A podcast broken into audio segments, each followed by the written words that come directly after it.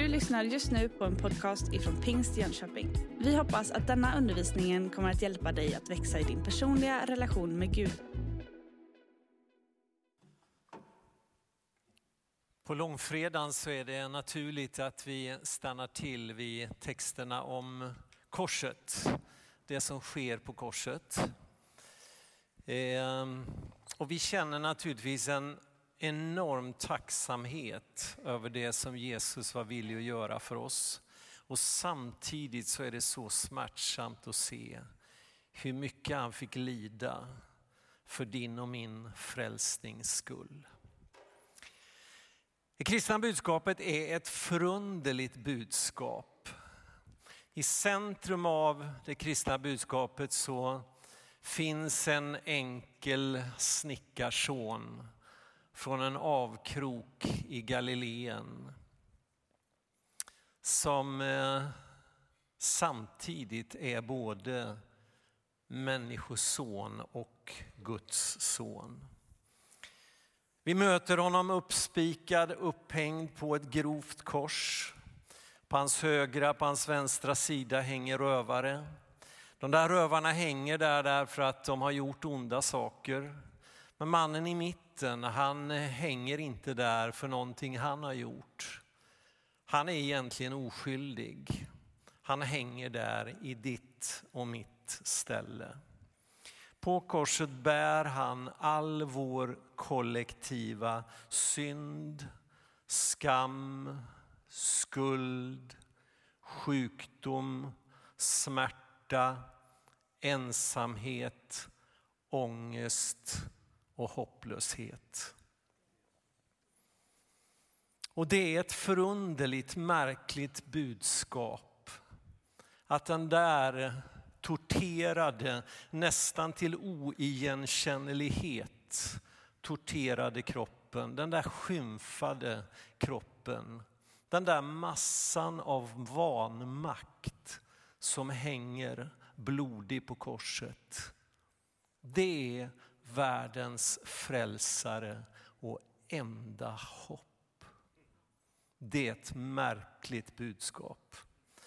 Det är ett märkligt budskap att det är blod som rinner ner ifrån den mannens misshandlade kropp skulle vara den enda, det enda dyrbara försoningsmedel som kan tvätta dig och mig rena ifrån våra synder. Läka våra sår, fördriva vår ångest och hela våra trasiga hjärtan. Paulus skriver att ordet om korset är en dårskap för dem som går förlorade. Men för oss som blir frälsta så är det en Guds kraft. Det är mycket som sker där på korset. Men låt mig få peka på en detalj som bara ett av evangelierna fångar in. Det är bara Johannes som nämner om den här lilla episoden och vi förstår när vi läser varför det är han som nämner om den.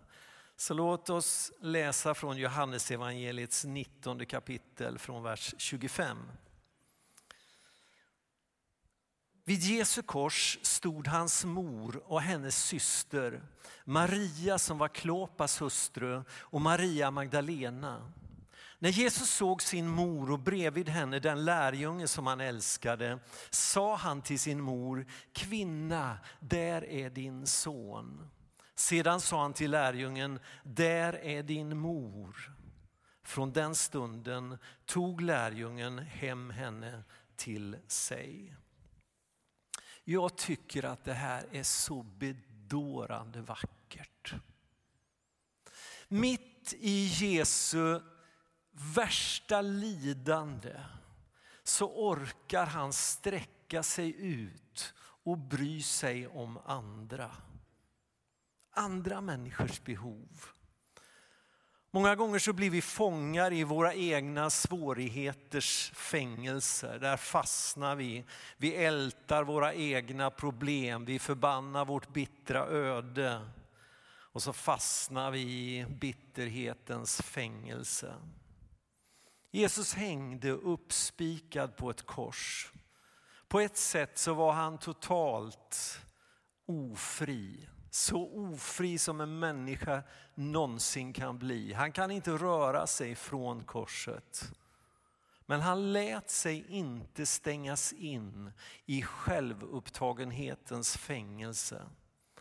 Trots att han hade all anledning i världen att kunna göra det. Trots sin egen smärta så orkade han sträcka sig ut och bry sig om andra. Och på det sättet var han som hängde fjättrad vid korset mer fri än den mest fria, excentriska människa som flaxar omkring totalt omedveten om sin fångenskap i sin fattiga, tomma självupptagenhet. Och där vid korset så föds det en helt ny familj. Johannes, den lärjunge som själv säger och betecknar sig som den lärjunge som Jesus älskade, det var tydligen så han upplevde det. Han tar ansvar för Jesu mor Maria. Hon ska inte behöva lämnas ensam. Och det är en gemenskap som inte bara är teoretisk utan den tar sig väldigt praktiska konsekvenser. Vi läste att från den stunden tog lärjungen henne hem till sig. Det är på riktigt. Men jag tror också att det där är en profetisk bild av den kristna församlingen, den kristna kyrkan. Vid Jesu kors så strömmar Guds kärlek ner till oss människor. Aldrig ser vi Guds kärlek så tydligt som på korset. Gud bevisar sin kärlek till oss där i att Kristus stod för oss medan vi ännu var syndare. Där blir vi gjorda till Guds barn. Men det beror inte någonting på vad vi har gjort utan bara på det han har gjort en gång för alla. Men vid korset så upprättas också relationen människa och människa emellan. Där föds en helt ny familj, en helt ny familjegemenskap. Den kristna församlingen, den kristna kyrkan. Den består av män och kvinnor, av yngre och äldre, av husägare och hemlösa, av judar och greker. Alla är vi ett i Kristus när vi har varit vid korset och tagit emot den nåd som ges från Jesus Kristus. I den nya familjen, den kristna församlingen, så är vi kallade att tjäna Gud, att älska varann, att visa praktisk omsorg om varann och att ge oss ut för att betjäna den här världen med Jesus som föredöme. Vi får alla vara Guds barn genom att ta emot den nåd som Jesus erbjuder oss. Men vi får också genom Jesus fogas in som lemmar i samma kropp, nämligen Kristi kropp. Vi får alla placeras in som levande stenar i det nya tempelbygget, Kristi kyrka. Och vi får alla vara syskon i Guds stora färgstarka universella familj. Du kan titta dig omkring, se din andliga mor. Se din andliga far. Se din andliga son. Se din andliga dotter. Se din bror. Se din syster. Vi är en ny familj i Kristus när vi har varit vid Kristi kors och tagit emot nåd. Det är inte bara relationen till Gud som upprättas på korset utan också relationen människa och människa emellan. Och jag tror att det finns ingen eller inga som kan lära oss mer, lära oss bättre att uppskatta betydelsen och värdet av den kristna familjen än våra nysvenska konvertiter. Inga förstår bättre värdet av den kristna familjen. Vi har en del i våran kyrka och jag tror att ni har en del i era kyrkor också. Av de här människorna som har kommit till oss och som har betalat ett högt pris för sin kristna bekännelses skull. Som inte alltid blir trodda av det svenska migrationsverket. Och det kan man skämmas en hel del över. men som ger sina liv till Jesus. Vi har en del av dem som har fått betala ett högt pris. Som när de väljer att följa Jesus inte längre är välkomna i sina egna familjer och i en del fall också blir mordhotade av sina egna familjer. En av dem, han tittade på mig, berättade om det här. Och sen log han och sa, men jag har fått en ny familj. För dem är det på riktigt. Och jag tror att de kan lära oss att förstå någonting mer av värdet och betydelsen i den kristna församlingen, den nya familjen, Guds egen familj. Det är vid Jesu kors som den familjen föds. Och låt oss ta konsekvenserna av det och leva som om vi verkligen är en familj. Precis som i en vanlig familj så tycker vi inte alltid lika i den kristna familjen. Vi, är inte, vi lyckas inte alltid hålla sams i den kristna familjen. Så är det precis som i den bästa familj. Men det ändrar inte ett dugg på det faktum att vi faktiskt är en enda ny familj i Kristus Jesus.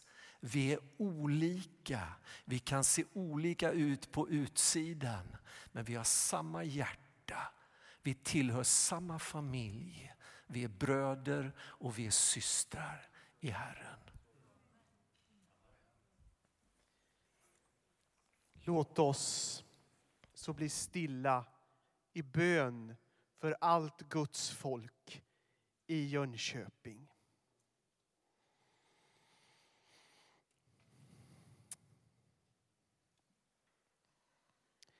Barmhärtige Gud, käre Fader. Vi tackar dig för att vi har förmånen att bo i Jönköping.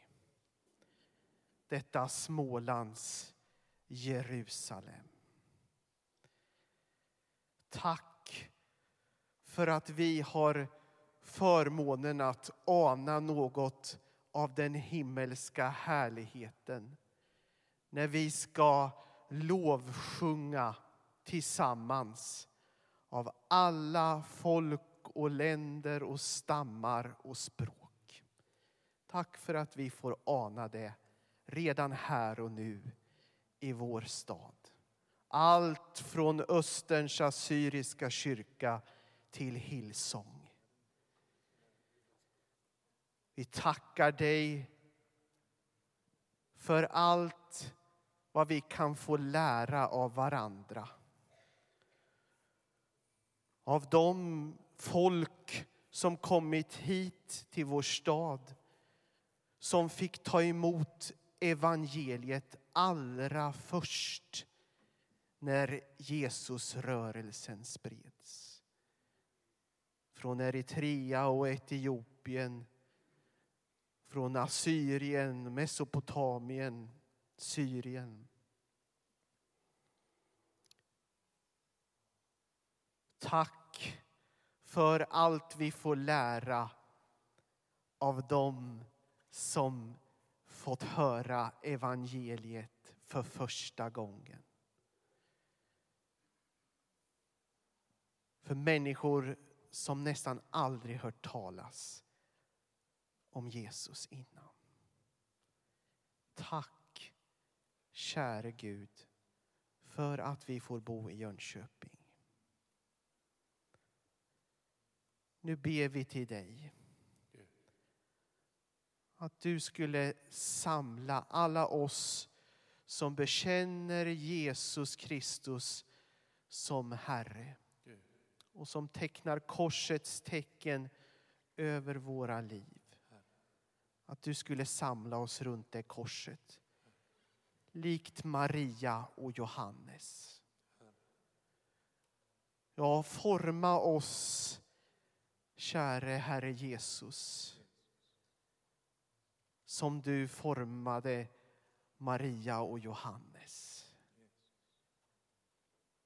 Ge oss åt varandra som andliga mödrar, som andliga söner.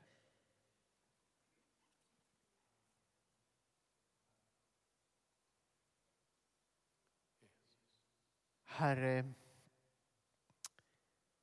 vi ber för alla församlingar som kämpar på olika sätt.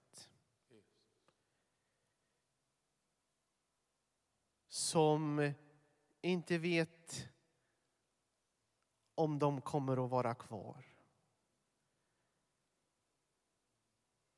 Låt dem alla få fästa sitt hopp vid ditt kors.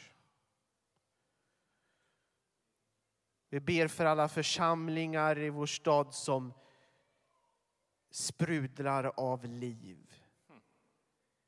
Hjälp de församlingarna att hålla fast vid korset och aldrig släppa taget om korset. Vårt enda hopp, vår enda hjälp vår enda räddning. Vi kan inte frälsa oss själva. Bara Jesu Kristi kors kan göra det. Låt oss alltid, Herre, hålla fast vid ditt kors. Låt oss alltid förbli vid ditt kors. Där ditt blods kraft strömmar där ditt liv aldrig dör.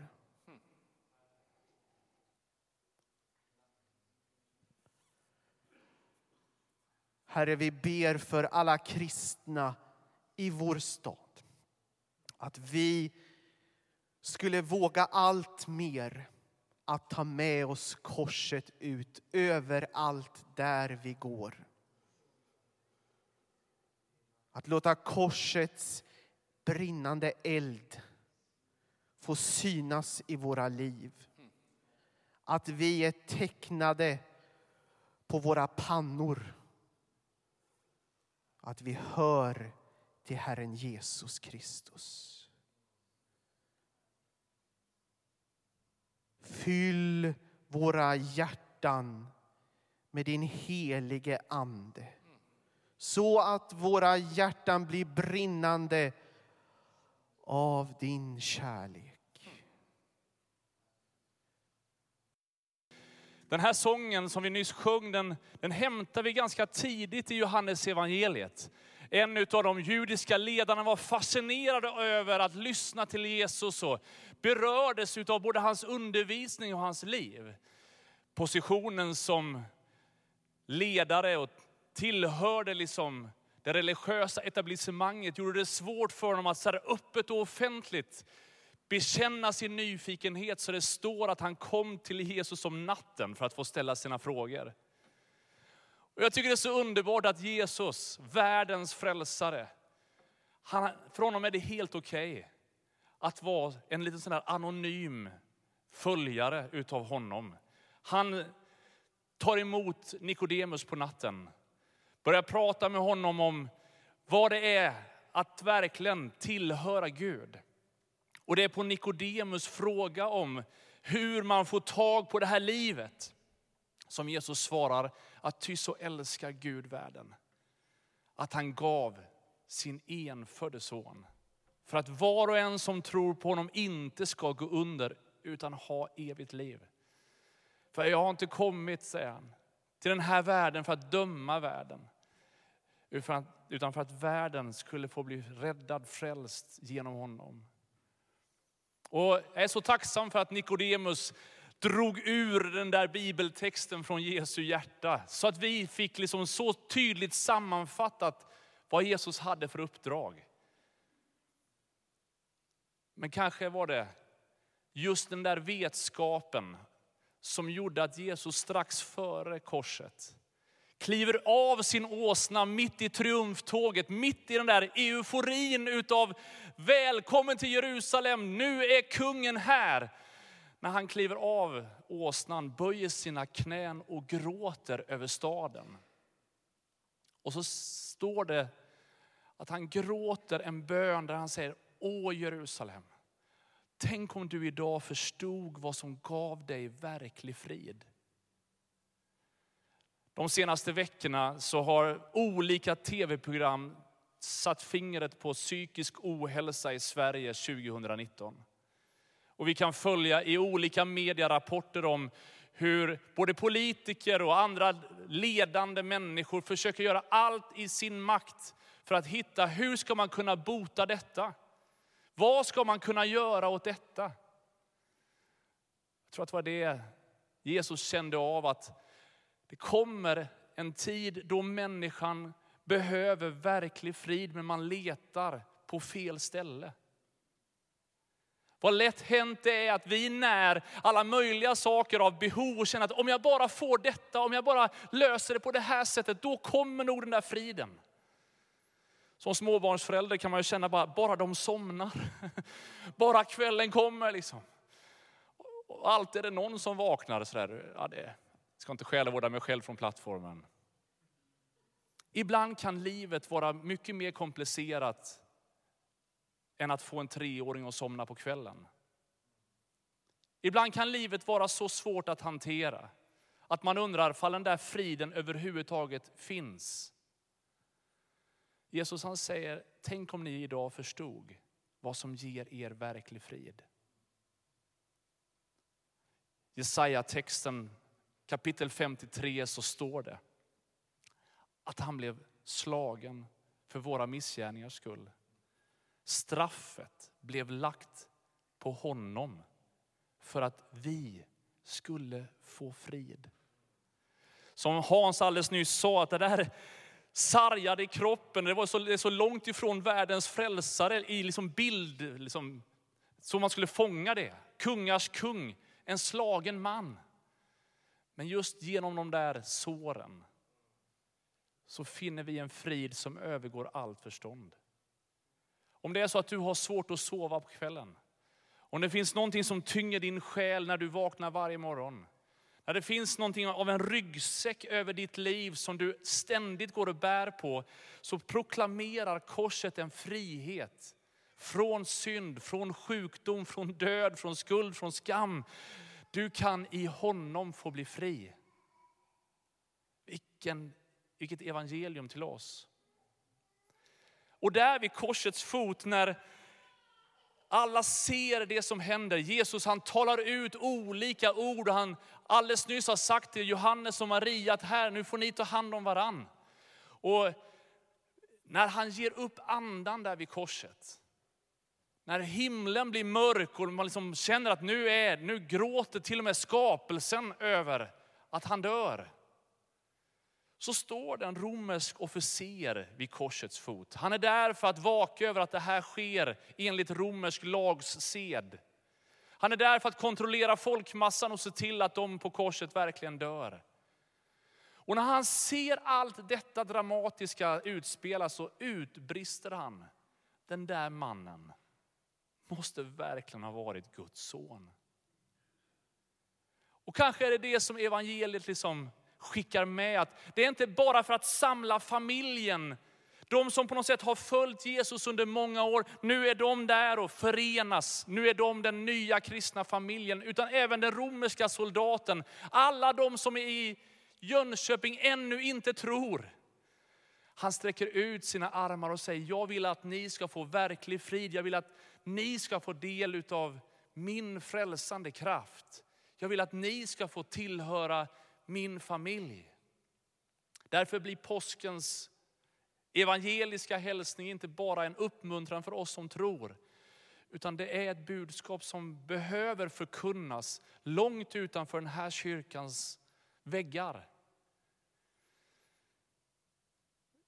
Undrar vem det är som står vid våra fötter, om du förstår vad jag menar. Om du står i närheten till oss. Fall de kan känna också att Åh, den här familjen vill jag tillhöra. Den här friden behöver jag. Det som du bär, det vill jag också ha. Vi ska förenas i en bön. Mats, välkommen fram så ska du få be för alla de i våran stad. Alla de som i Jönköping ännu inte tror.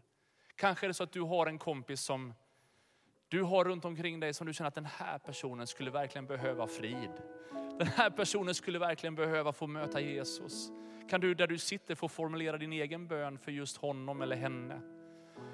Kanske finns det så att det finns människor i din närhet, i din egen familj som inte tror på Jesus. Men den här stunden får vi vid hans kors säga Jesus, låt det här korset få bli någonting mer även för fler.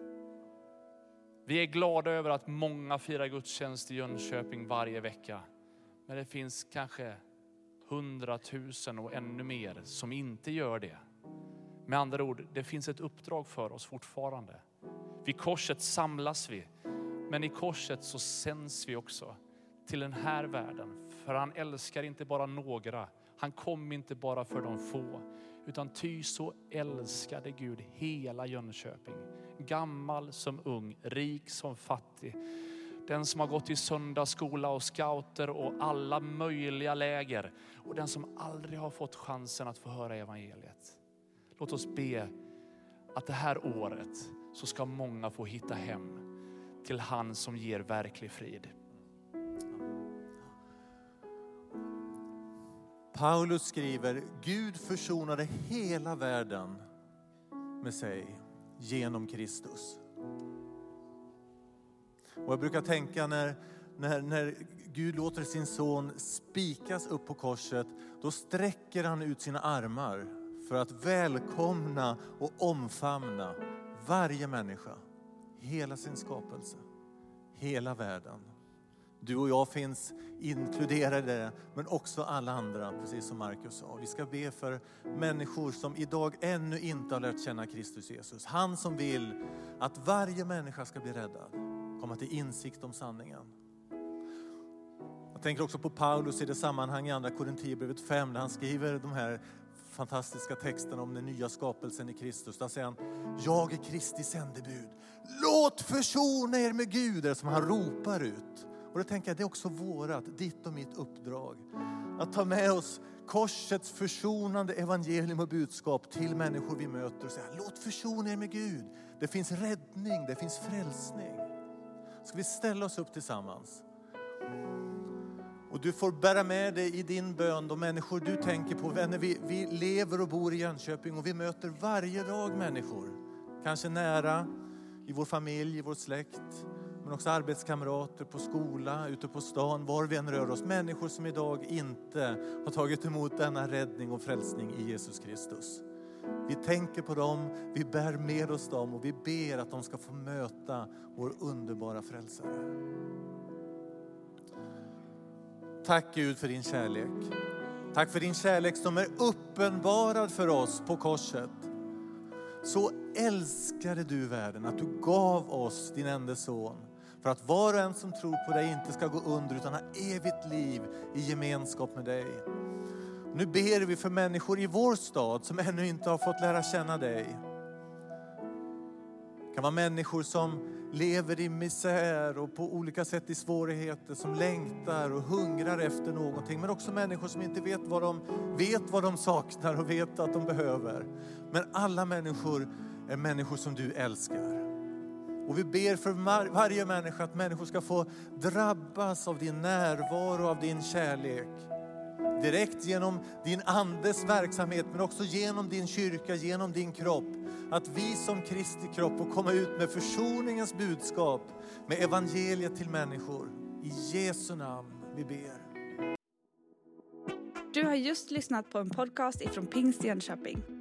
För att få reda på mer om vilka vi är och vad som händer i vår kyrka så kan du gå in på pingstjonkoping.se eller följa oss på sociala medier via pingstjkpg.